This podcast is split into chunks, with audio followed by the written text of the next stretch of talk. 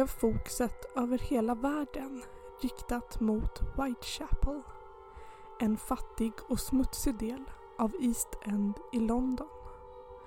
Under hösten detta året begicks fem mord som för evigt skulle bli ökända och skapade panik och uppror i hela London och eventuellt också hela landet. Offren var alla kvinnor som arbetade som prostituerade och flera av dem hittades upprivna och stympande liggandes i rännstenen.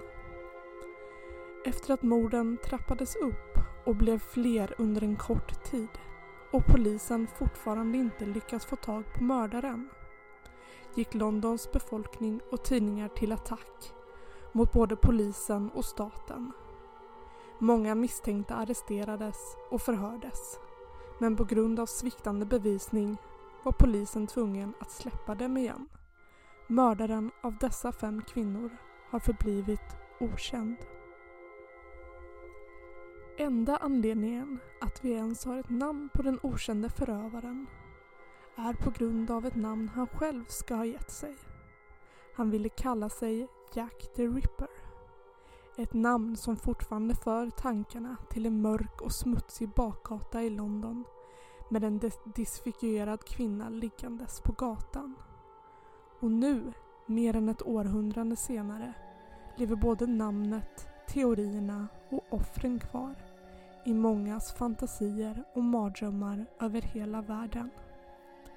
I dagens avsnitt kommer vi gå igenom historien, faktan och morden som den mest ökände mördaren som hittills levt begick.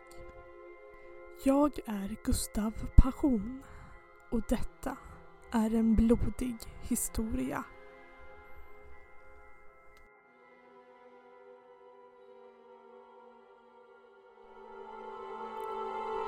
För att förstå och rama in varför detta blev och är en så välkänd historia så måste vi se lite närmare på den del av London där morden skedde. Under den viktorianska tiden i England var Whitechapel en stadsdel med över 80 000 invånare där brott, alkoholism, sjukdomar, smuts och misär var ett faktum under större delen av 1800-talet. Där över hälften av de barn som föddes i stadsdelen ofta inte överlevde längre än till fem års ålder. Stadsdelen var som ett eget litet fattigt och smutsigt samhälle där ingen med lite mer pengar och klass än skulle komma på tanken att sätta sin fot. De som bodde där var antingen fattiga eller extremt fattiga och hade inte många alternativ när det gällde mat och husrum för de mörka, våta nätterna.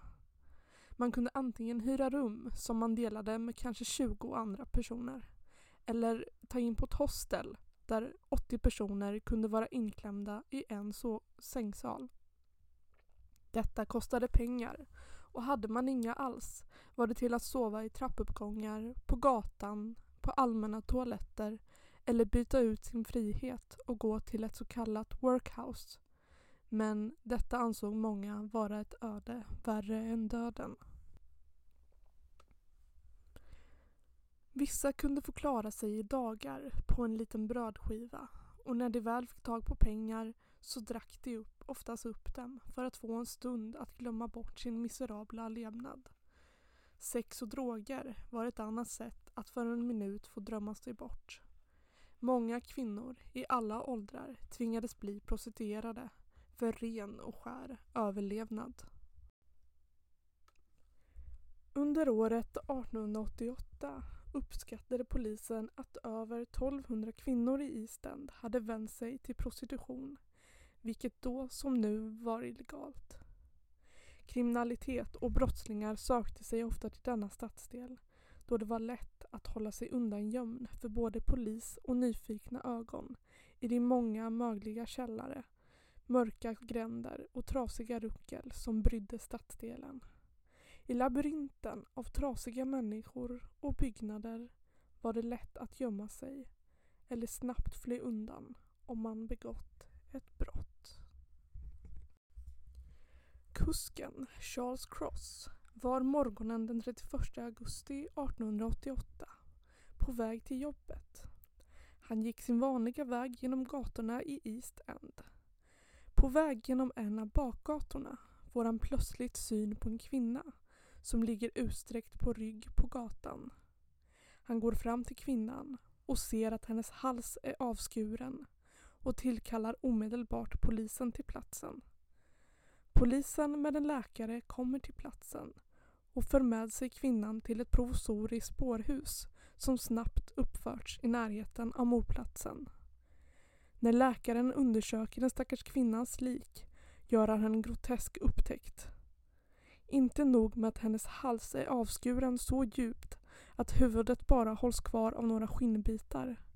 Men hennes buk är också uppskuren från bröstet ner till hennes bäcken och hennes underliv är söndertrasat av flera knivhugg.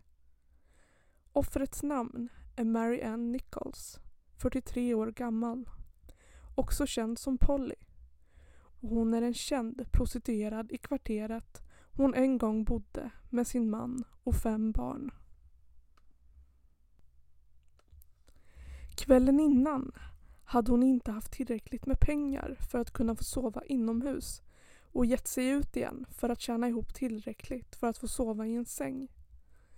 Någon gång under natten har mördaren slagit till och ingen har varken sett eller hört något.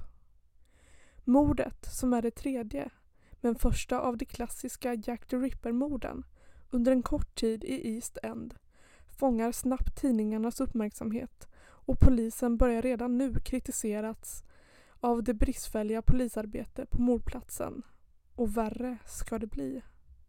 För bara två dagar efter att Polly begravs den 8 september sker ett nytt mord. Denna gången är det Annie Chapman, 47 år gammal, som bara en halvtimme innan hon hittats död har setts i en bakgård av ett hyreshus där hon har sett stå och argumentera med en kund över priserna av hennes tjänster. Återigen är halsen uppskuren men nu har också hennes tarmar och flera organ tagits ur den döda kroppen, bland annat hennes livmoder. Även Annie är stundvis prostituerad för att få tag på pengar till sprit. Ett läderförkläde hittas nära kroppen men trots de 17 personerna som bodde i hyreshuset har ingen återigen sett eller hört någonting. Men polisen fastställer i alla fall att på grund av de två mördade kvinnornas likheter att de båda var prostituerade och hade nästintill samma skador. Att det rör sig om samma mördare. Men hittar inga spår eller bevis. Och det med dagens mått mätt primitiva rättsmedicinska kunskaper finns det väldigt få lämningar på offrets kropp att gå efter. Morden rapporteras och väcker stort intresse. Tidningarna smaskar i sig varenda makaber detalj gällande de två morden och en morbid fascination börjar nu sprida sig runt om i London. Två kvinnor mördade och polisen varken vet eller gör någonting åt det. Scotland Yard, som nu tagit över ärendet, kritiseras och smutskastas medan folk flockar sig runt mordplatserna för att få sin skymt av blodet och även runt bårhuset och polisstationen.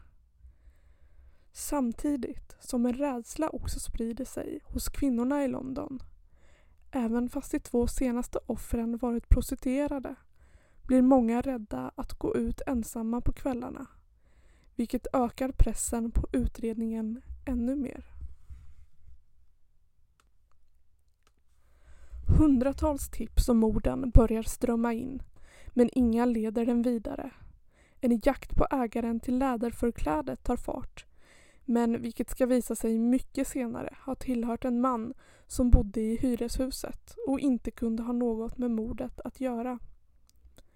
Polisen går till och med så långt att vissa yngre poliskonstaplar tvingas klä ut sig i kvinnokläder och låtsas vara prostituerade. Men det enda det leder till är att polisen förödmjukas ytterligare. Udda och opopulära människor börjar intervjuas nästan på måfå. Men ingenting verkar kunna stoppa nästa mord som snart ska ske.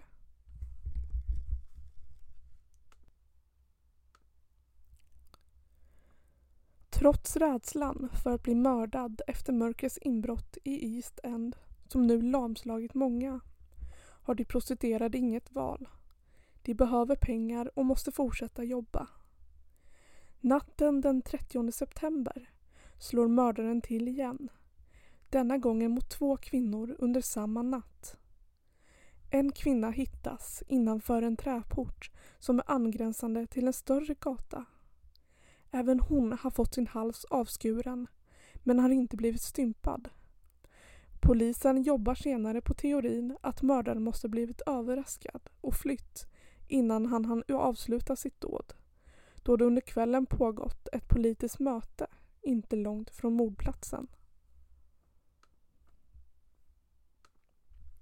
Det tredje offret heter Elizabeth Stride och kallas för Long Liz. Precis som de andra är hon prostituerad och alkoholiserad och kommer ursprungligen från Göteborg men emigrerade till England när hon var i 20-årsåldern. Bara en timme senare hittas mördarens fjärde offer inte långt från Elisabeths mordplats av en patrullerande poliskonstapel. Och hennes skador är hittills de mest brutala. Hennes hals är avskuren, magen uppsprättad och inälvor och organ uttagna. Men nu har också mördaren huggit henne upprepade gånger i ansiktet med groteska resultat. Offret identifieras i alla fall som Catherine Eddowes, 46 år gammal. Hon har tidigare under kvällen suttit i polisförvar eftersom hon gått runt gravt berusad men släpptes efter midnatt och knappt en timme senare hittas hon alltså mördad. Men med detta mordet finns det flera saker som sticker ut och äntligen får lite fart på polisens utredning. Eddows förkläde hittas en bit bort och bredvid ett meddelande skrivet med krita. The Jews are the men that will not be blamed for nothing. Vilket tyvärr inte bara ledde till att tidningarna började smutskasta judarna som bodde i East End utan även fick de andra invånarna i East End att se rött och upprorstankar och ett starkt hat från det som normalt sett inte hade mycket att säga till om riktades nu mot polisen och judarna.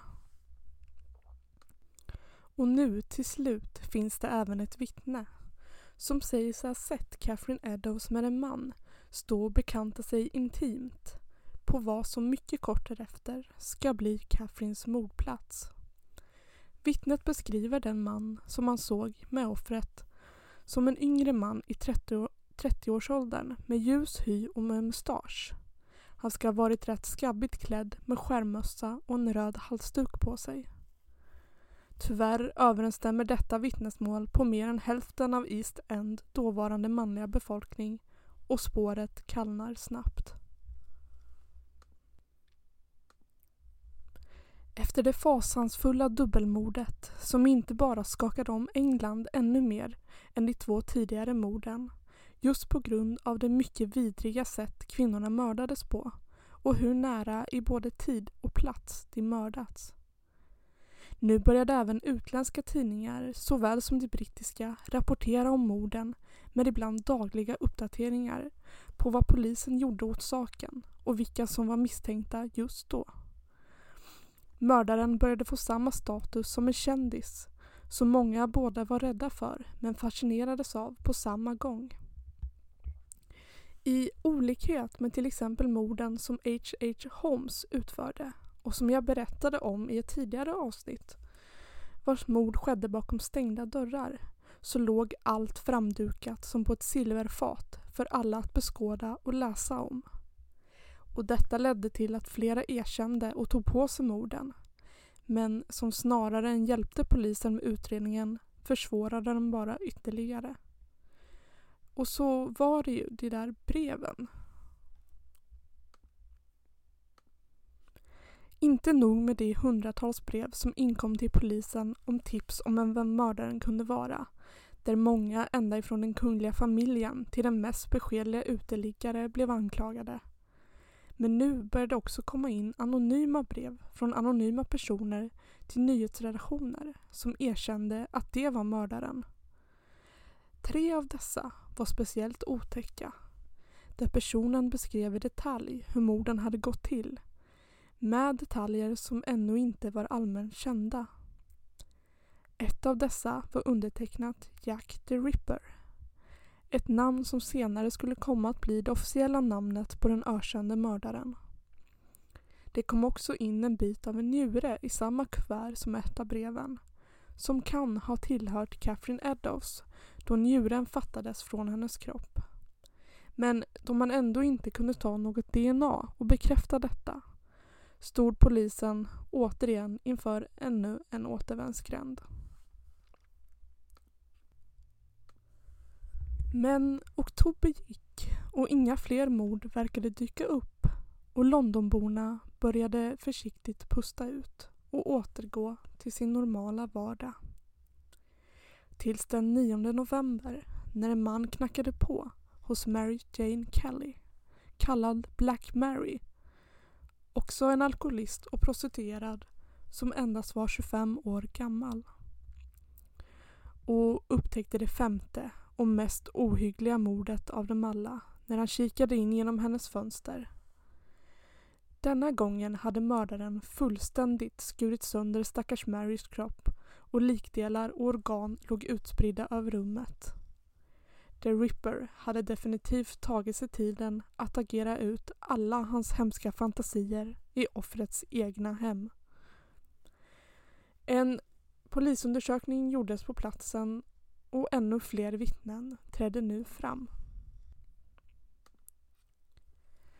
De vittnen som ska ha hört Mary komma hem runt midnatt i sällskap av en man och därefter hade flera av dem hört henne sjunga inifrån hennes rum. Två kvinnor ska även ha hört henne skrika mord men inte tagit särskilt stort fäste vid det då det var mycket vanligt i denna stadsdelen. Hon identifierades senare av en man som hette Joseph Barnett som ska ha bott med Mary i perioder men inte uppskattat att hon prostituerade sig. Det fanns även en till man som Mary träffade då och då som också hette Joseph och brukade förse henne med pengar. Han ska ha haft ett temperament och kunde bli våldsam och var svartsjuk på hennes relation med Joseph Barnett. Barnet kunde dock bevisa sitt alibi för mordnatten och eftersom den andra Joseph inte finns med i polisens register över misstänkta var nog inte heller han misstänkt för att vara just Jack the Ripper. Det finns dock teorier att detta sista mord ska ha varit verket av en copycat som hade läst om de andra morden i tidningarna och applicerat det med råge på Mary. Men officiellt räknas hon fortfarande som det femte och till synes sista mordet som Jack the Ripper ska ha utfört under 1888 i Whitechapel i London. Trots polisens hårda arbete och uppmärksamheten som fallet fått inte bara i England och London utan även runt om i hela världen så slutar det officiella spåret här. Två mord till begicks under 1889 där offren som också var prostituerade och hittades med sina halsar avskurna men som inte var stympade på något annat sätt. Om detta också var verket av Jack the Ripper, det vet man inte. Men officiellt så räknas det inte till offren på grund av tiden emellan de fem officiella offren och dessa två nya. Samt att signaturen med den upprättade buken inte heller kunde hittas på dessa två kvinnor. Dock har inte heller deras mördare hittills hittats. Men många ripperologer, ett samlingsnamn för de som studerar morden professionellt, tror att det rör sig om en copycat och att Jack the Ripper ska ha pensionerat sig efter Mary Jane Kellys mord. Det som ändå kan sägas var något någorlunda positivt som kom från dessa mord var att både England och världen fick upp ögonen för den slum och misär som förekom i East End och Whitechapel och som många valt att blunda för i generationer tidigare. Och för att motverka att dessa fasansfulla händelser skulle hända igen så var det nödvändigt att bygga upp nya relationer med de sociala utstötta människorna i stadsdelen och motverka brotten och alkoholismen. Det tvingade staten att ta ansvar för de miserabla människorna som levde och bodde i en av, i en av Londons värsta och nu också blodigaste stadsdelar.